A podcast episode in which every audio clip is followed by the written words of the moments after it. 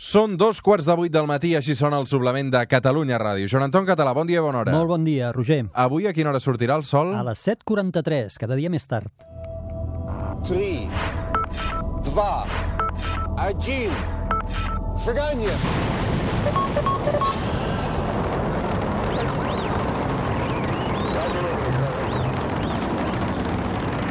One small step for man,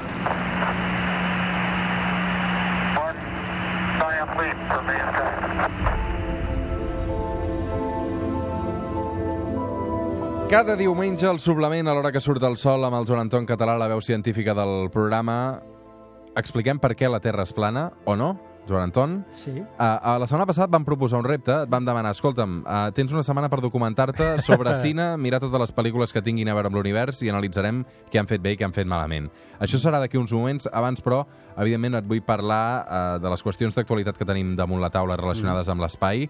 La Soyuz enviarà tres astronautes a l'Estació Espacial Internacional el dia 3 de desembre, una data que tu t'has marcat en vermell al calendari. Per Sí. què exactament? Clar, no hagués estat molta notícia, per mi sí, perquè ho segueixo. Recordem que és la Soyuz Sí, perquè- la Soyuz és una nau russa que porta forces anys operativa i és la nau que bàsicament en aquest moment s'utilitza, els americans també, per pujar i baixar astronautes a l'Estació Espacial Internacional. No hagués estat massa notícia, perquè això és com una rutina, si no fos que l'última vegada fa unes setmanes que es va intentar, va haver una, un fallo en un dels motors que podria haver resultat fatal pels dos astronautes que pujaven a l'Estació Espacial Internacional. El sistema automàtic de defensa de seguretat de la nau va agafar el control quan va fallar el coet, poc després d'enlairar-se, i va separar eh, la càpsula on anaven els dos astronautes de la resta del coet i els va llançar en òrbita, diríem, en trajectòria parabòlica, com si fos un, un míssil que caigués cap a la Terra, obrint-li els paracaigudes, va ser un moment de molt d'estrès per tothom. Els astronautes es van salvar, no els hi va passar res, Mhm. la qual cosa vol dir que van funcionar bé els sistemes, però va quedar la sospita de què li ha passat a la Soyuz, a la qual cosa aquest llançament és especialment important. Torna a la Soyuz, torna amb tres astronautes cap a l'Estació Internacional Espacial. Astronautes que són diferents en aquests dos que els hi deuen haver donat vacances. Doncs 3 de desembre, eh, una data que tu tens eh, marcada, evidentment, al calendari. Eh, abans d'arrencar, Joan Anton, tu quan vas al cine a veure una pel·lícula relacionada amb l'espai, tu ets capaç de gaudir de la pel·li o estàs fixant-te tota l'estona? No. Això ho fan bé, això ho fan malament? No, no em fixo per res, t'haig de dir, t'haig de ser sincer. Jo quan vaig al cinema és per relaxar-me. I llavors m'agraden les pel·lis, eh, deixar-me anar i tal. És després, quan ja les he vistes, que començo a pensar i detecto o no coses, no? però mentre les estic mirant no. Va, posem-nos en situació.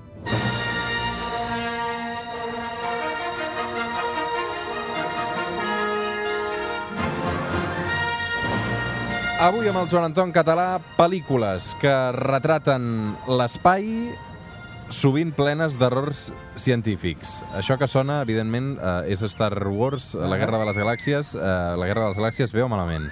A veure, t'ha- t'haig de dir dues coses sobre Star Wars o Star Trek. Sí? Una, malament, des del punt de vista de que no respecten mm, l'etiqueta mínima de base científica que s'ha de tenir. Dos, que a pesar d'això són excel·lents, com sabem, icones per l'època en què van ser fetes i per què, pel que van significar. Per tant, jo, abans que comencem en altres pel·lis, et diria que jo perdonaria més les errades a les sèries més antigues que a les noves, que serien bastant imperdonables que aquestes últimes dels, dels anys 2000 cometin alguns dels errors que ara en parlarem. Doncs comencem pel passat, va.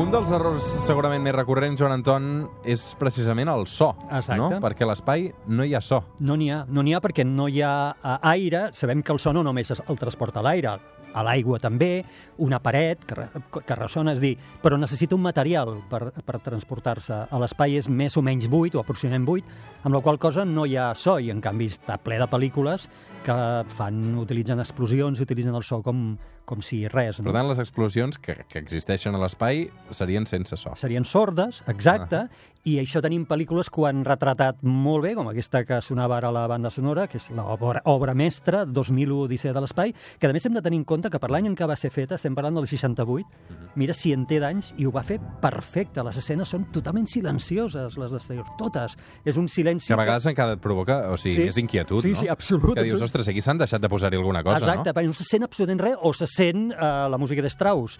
Uh, és, està super ben fet, no? Aquest efecte de silenci absolut que hi ha a l'espai. Mm. -hmm. Està molt ben feta. Uh, això està, uh, precisament, la Guerra dels Galàxies o Star Trek, uh, com ho tracten? Perquè aquí no... Clar, eh, el que dèiem abans, fan, utilitzen explosions, utilitzen el, el so, és el que et deia. Ara estic pensant uh, el tema dels làsers, per exemple, Sí. uh, a la Guerra de les Galàxies, sobretot. Clar.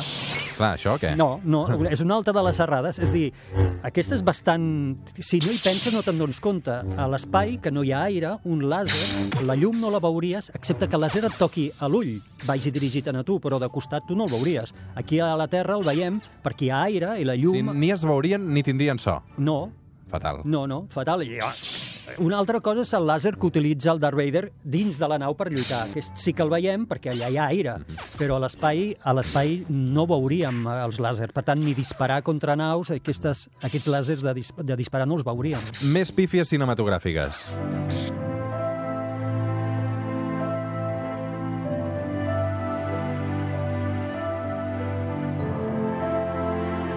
Aquesta que sentim és la banda sonora d'Interestelar, una de les grans uh, Mhm. pel·lícules també que s'han uh, anat publicant últimament. Um, aquí, per exemple, els forats negres, els túnels de Cook són recursos que sempre s'utilitzen, per exemple, per, per fer els desplaçaments per l'univers, no? Sí. Um, I aquí el que vols dir finalment és que no existeixen, precisament. No, no, no. La, la qüestió és diferent. Sabem que els forats negres sí, existeixen. Eh, En canvi, els forats de Cook no ho sabem encara. Està teoritzat, però no sabem si existeixen. La qüestió és que moltes pel·lis necessiten el recurs dels forats negres o dels forats dels túnels de Cook, que recordem que serien com túnels que connectarien llocs di diferents de l'espai, de l'univers, i que els podries creuar ràpidament saltant a la velocitat de la llum, per tant, transportant-te a altres llocs de l'univers. Clar, moltes sèries necessiten, o pel·lis necessiten aquest recurs per fer que, que això, que ens puguem moure sense estar pendents de que passin molts anys, no? Interestelar no, ho utilitza, utilitza un forat negre i un túnel de Cook per transportar els passatgers cap a un altre lloc de l'espai. Haig de dir que els efectes estan molt ben aconseguits des del punt de vista científic, el que és l'apropament, com et pinten el forat negre, com es comporta aquest forat negre, és, està molt ben aconseguit, per tant, en una base molt sòlida. No tothom ho fa així. Mm. Per exemple, una altra Passengers, per no? exemple, aquesta, aquesta pel·lícula ho fa diferent. Aquesta pel·lícula el que fan és hivernar els, els tripulants i fer que la nau viatgi molt ràpid. En aquesta pel·lícula el fan viatjar un 50% de la velocitat de la llum i s'estalvien a la veda... eh, director Morten Tildum, una nau espacial que viatja a una colònia Mm. en un planeta i que transporta milers de persones, pateix un error tècnic en les càpsules on dormen els tripulants. Com a resultat, dos dels passatgers es desperten 90 anys abans del que els hi toca. Està molt bé, aquesta pel·lícula. T'haig de dir que està molt bé. 2016, eh, això? Sí, és, és relativament moderna o molt moderna i és el que et deia, eh, utilitzen la hibernació dels passatgers en lloc de fer-los entrar en un forat de cuc i etc. els hivernen i van molt ràpid a un sistema estel·lar relativament proper, amb la qual cosa són més modestos des del punt de vista del plantejament, més realistes, eh? perquè són mètodes que potser no els tenim tan lluny de la nostra tecnologia. Eh, també en aquestes eh, pel·lícules relacionades amb l'espai els fan desplaçar molt amb naus espacials, que això també suposo que aquí és on, Sí. on hi ha errors bastant ha- típics i comuns, no? N'hi ha molt forts. El més típic és frenar una nau. Eh? Quan veiem Star Wars o Star Trek, allò que estan lluitant entre les naus i frenen i Què passa, que no pot frenar? Mm, Clar, no. A l'espai no pots frenar, no pots llançar un ancle i frenar-te. Eh, tampoc hi ha aire que et freni, no hi ha res que et freni. Llavors, l'única cosa que pots fer per frenar-te és en, en, engegar uns coets en sentit contrari i esperar que facin el seu efecte i que et puguin anar frenant, però no pots frenar en sec. L'altre concepte importantíssim també, com el tracta el cine? La gravetat.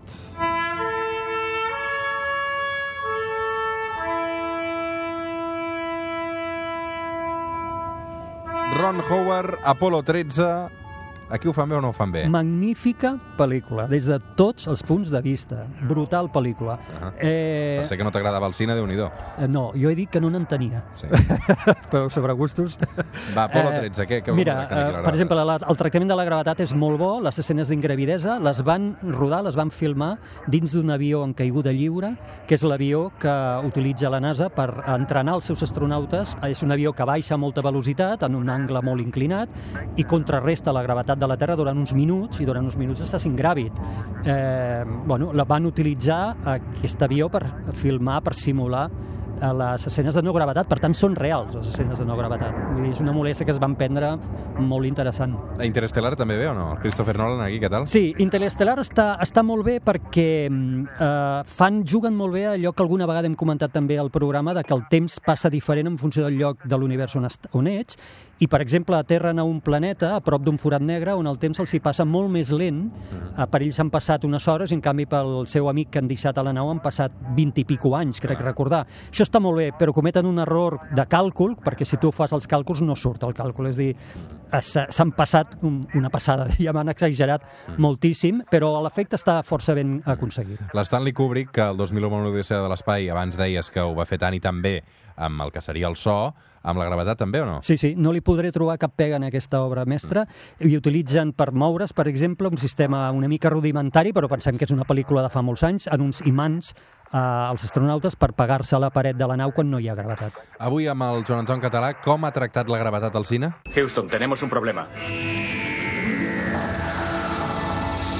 Un problema greu perquè aquestes pel·lícules que parlarem ara no ho fan tan i tan bé. A veure, la Guerra de les Galàxies, què passa amb la gravetat? Eh, ni, és, ni la Guerra de les Galàxies ni Star Trek passen olímpicament de la gravetat, és a dir, totes les escenes, allà on van, els planetes on van, dins de les naus, tot, tot és com si estéssim per aquí, eh, aquí a l'estudi o a casa nostra. A mi el que em va agradar molt és The Martian, uh, Mart, de Ridley Scott, fa pocs anys amb el Matt Damon, no? que n'hem parlat Sí, també alguna vegada en sí. aquest espai. Uh, aquí uh, sí que caminava lentament. Sí, molt bona pel·lícula, t'haig de dir. És veritat que els moviments del Matt Damon potser són massa terrestres, tot i que camina lentament. O sigui, va massa ràpid. Sí, el que passa que suposo que ho han de fer com un recurs de Ah, clar, si no cinematogràfic. la pel·li, sí, Exacte. clar. I llavors també hi ha dos uh, errades. Una, exageren la tempesta de sorra. La tempesta de sorra, tot i que hi ha tempestes de sorra a Mart, la seva atmosfera és tan feble que mai podria haver-hi tempestes de sorra. Pràcticament ni les notaríem nosaltres, els humans, ni les notaríem. I després també hi ha una altra errada lògica, que ell crema combustible per fabricar aigua, quan Mart és ric amb aigua gelada sota superfície. Però això no ho sabien encara quan es va rodar la pel·li. Uh, Segurament, perquè això No. es va saber fa poc, no? No, el que es va saber fa poc que Ah. hi havia aigua líquida, Ah, però sabem des de fa Que- molts que anys que, hi havia- ha aigua gelada, que hi ha aigua gelada, sí, sota això sí, terra. sí, sí. Han de, han de fer un foradet d'uns centímetres, treus aigua i l'escalfes amb combustible sí per fer aigua. Suposo que qui ho devia fer bé devia ser l'Alfonso Cuarón a una pel·lícula que es deia precisament Gravity, no? Um, Fatal, no? Fatal. I aquestes de les que jo no perdono, perquè Clar, és una pel·lícula si molt recent. una- sí. Molt recent. Hi ha dues escenes especialment greus. Una és quan el, el George Clooney eh, s'està perdent a l'espai i s'enganxa a la Sandra Bullock en un, en un cable i ell acaba sacrificant-se perquè està estirant a la Sandra Bullock. Això és impossible. Un cop han quedat enganxats pel cable, eh, s'hauria d'aturar la caiguda del, del, del protagonista i la Sandra Bullock simplement en una estiradeta petitona del cable hagués salvat el seu company. Per tant, primera errada. La segona és que la Sandra Bullock plora dintre del casc, en ingravidesa, fora a l'espai, i les llàgrimes li, li suren per la... És veritat que me'n recordo, Sí, sí. això no pot ser perquè a l'aigua, a les gotes d'aigua, tenen una propietat que es diu tensió superficial, que Que les fan pegar-se a les taules o a les cares i que, en independència si hi ha gravetat o no, la llàgrima ha de seguir O sigui, es pegada. manté, és impossible que una Ah, exacte. llàgrima es desprengui de l'ull i floti. Per tant, són errors greus que, a més, t'haig de dir que Passengers, que hem dit Ah. que és molt bona pel·lícula, jo crec que, que es va filmar uns anys després, van anar directe a la jugular. Mhm. I van agafar aquestes dues mateixes escenes, és curiosíssim, i les van gravar bé. Com si fos dir, nois, això és, no? I van fer una de l'espai... Van passar comptes, eh? Sí, van passar compte, i la de la llàgrima també. És curiós perquè van agafar aquestes dues escenes i les van fer a la Mm. seva manera, però ben, ben rodades. Uh, suposo que tot això que passa amb la gravetat, també amb l'oxigen, Sí. uh, deuen passar coses similars, no? Sí, és allò de, ui, mira, hem arribat a un planeta aquí a oxigen, ens podem treure el cas. No, perdona. I respirar tranquil·lament. sí, és que et cremaràs. Eh, et cremaràs físicament, literalment, no? Eh, clar, ha d'haver-hi la proporció justa d'oxigen, aquí a la Terra sobre un 24-23% d'oxigen, perquè no ens cremem, perquè no, no engeguem a, a la combustió, no? perquè si no l'oxigen ho cremaria tot. També hi ha altres gasos que no hi poden ser, tot i que hi hagi oxigen. Per tant, no, no només és que hi hagi oxigen, és que hi hauria d'haver, per poder respirar sense casc, una atmosfera, una atmosfera molt similar a la nostra. Mhm. Som al Suplement, som a Catalunya Ràdio. Avui parlem de pífies del cinema de l'espai amb el científic de capçalera d'aquest programa del Suplement, el Joan Anton Català.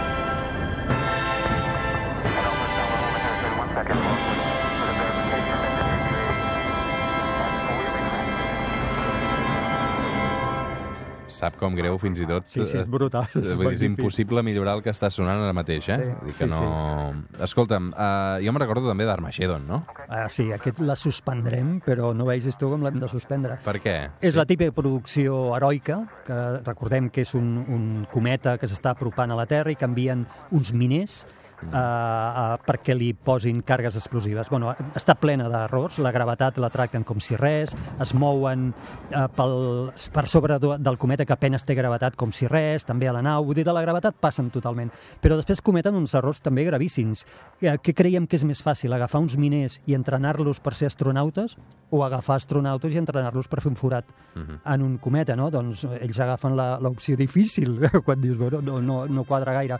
També és veritat que eh, un asteroide o un cometa tan gran el detectaríem en molt de temps. És dir, el que sí que ens pot passar és que ens caiguin roques mitjanes o petites, però no una bèstia com aquesta sense que l'haguem detectat. I tercer, l'últim mètode, l'últim de tots que utilitzaríem seria enviar-hi una, deto- una detonació nuclear, perquè en lloc d'un impacte d'una gran roca podríem acabar tenint l'impacte de mils de roques radioactives. Imagina't. Amb la qual cosa seria l'últim recurs que utilitzaríem. Poc recomanable. Poc recomanable. Uh, ets detractor, per tant, d'Armageddon, en canvi sempre defenses la pel·lícula Contact, uh, no sé si la recordareu, any 97, uh, narra la història d'Ellie Arroway, que després d'anys de recerca troba proves definitives que demostren l'existència d'extraterrestres i les misterioses senyals que envien uh, per una estranya màquina. Els Mhm. senyals que envien, Exacte, en aquest cas. exacte. Um, És una pel·lícula boníssima i diré per què, perquè es basa en una novel·la del mateix nom que va escriure el Carl Sagan, Mm, que com sabem Carl és Sagan, un sempre. gran científic que va morir i també un gran divulgador i per tant tot l'instrument científic, l'edifici científic està molt ben tractat, lògicament és una pel·lícula de ciència-ficció en el sentit, doncs això, de la vida fora de la Terra i dels viatges interplanetaris, però la, el- tot l'edifici científic està molt, molt ben treballat. Uh -huh. uh, Joan Anton, si, si avui a la tarda només tens temps de, de mirar una pel·lícula de diumenge a tarda, quina et posaràs? Uh, mira, 2001 seria una de les Sí. meves primeres preferències. Jo també crec que la vull recuperar. Sí, tot i que l'he vista moltes vegades. Contact també la tornaré a veure, l'he vista 20 i pico vegades, la tornaré a veure. Apollo 13 o Passengers també serien altres recomanacions que jo podria fer. Armageddon, a principi de les Talvarianes, No, no? Absolutament, de fet l'he borrat del, del, de la meva filmoteca.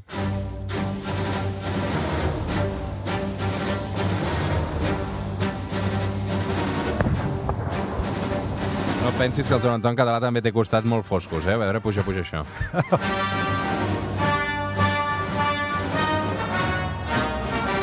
Un home de negre, la guerra de les galàxies, avui Darth Vader, Joan Anton Català, al suplement de Catalunya Ràdio, la no, em Terra podries, és plana. no em podries assimilar a un altre No, personatge? ja està bé. Uh, aquesta setmana, al cel, què hi veurem, si aixequem la vista? Mira, seguim veient Venus cada dia més alt, ja en vam parlar la setmana passada, a l'alba, uh, just abans de la sortida del sol, per l'horitzó est, des de Sabadell també ho pots veure. Sí o no? Sí, Absolutament. però a vegades Sabadell està una mica contaminada, No, eh? no, no. Amb Venus... els índexs de contaminació a Catalunya sortim dels, dels més elevats, eh? No, heu de fer alguna cosa. Però, però Ven- Venus... Ventilar.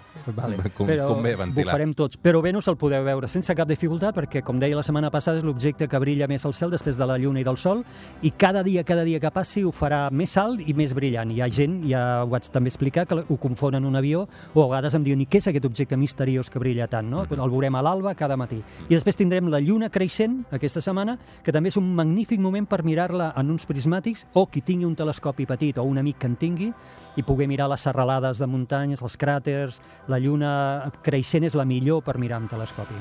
Tot això en una setmana on el Joan Anton Català segur que continuarà molt pendent de les missions com l'Insight de la NASA, n'hem parlat ja la setmana passada, vam comentar-la, la Parker Solar Proof Mhm. i també eh, la Hayabusa. Sí, molt veure, bé. recorda'm això que era Sí, exactament. és, un, perquè... és una nau japonesa que ha arribat en, en un asteroide fa unes setmanes, en un asteroide que es diu Ryugu, que ja ha fet aterrar dos eh, sistemes saltadors. Però no, les rodes no funcionen en, en llocs on no hi ha gravetat, perquè les rodes eh, no, no girarien bé, llavors són eh, com dos robots petits saltadors i els va fer aterrar. També va fer aterrar un dispositiu europeu, eh, franco-alemany, eh, i ara queda ella per aterrar. Vol recollir mostres. Això ho farà a començaments de gener, si tot va bé. Han ja triat els japonesos el lloc on aterrarà, un lloc que no té pedres, que no té pedres grans, però el lloc és, només té 20 metres de diàmetre. És un foradet petitet on no hi ha roques i han de fer-la aterrant allà. Per tant, super espectacular tot plegat.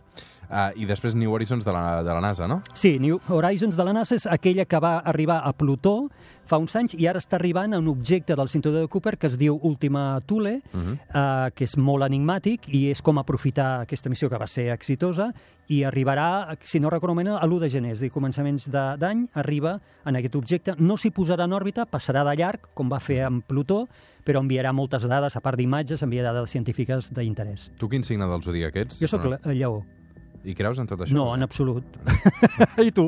No, jo tampoc, però em fa gràcia perquè volia fer-te la pregunta i dic, potser aquest senyor No, uh, no, també no. li interessa A vegades em que- confonen, eh? A vegades diuen, tu què ets, astròleg? Dic, No, perdoni, No. jo soc, jo soc astrònom, en tot Que cas. deixem-ho clar. Ets lleó, però en principi no, no llegeixes l'horòscop als diaris, eh? Home, home, no, no, per Ni res. tires per les res. cartes. Uh, ho feia de jovenet, haig de dir, però per altres raons. Molt bé.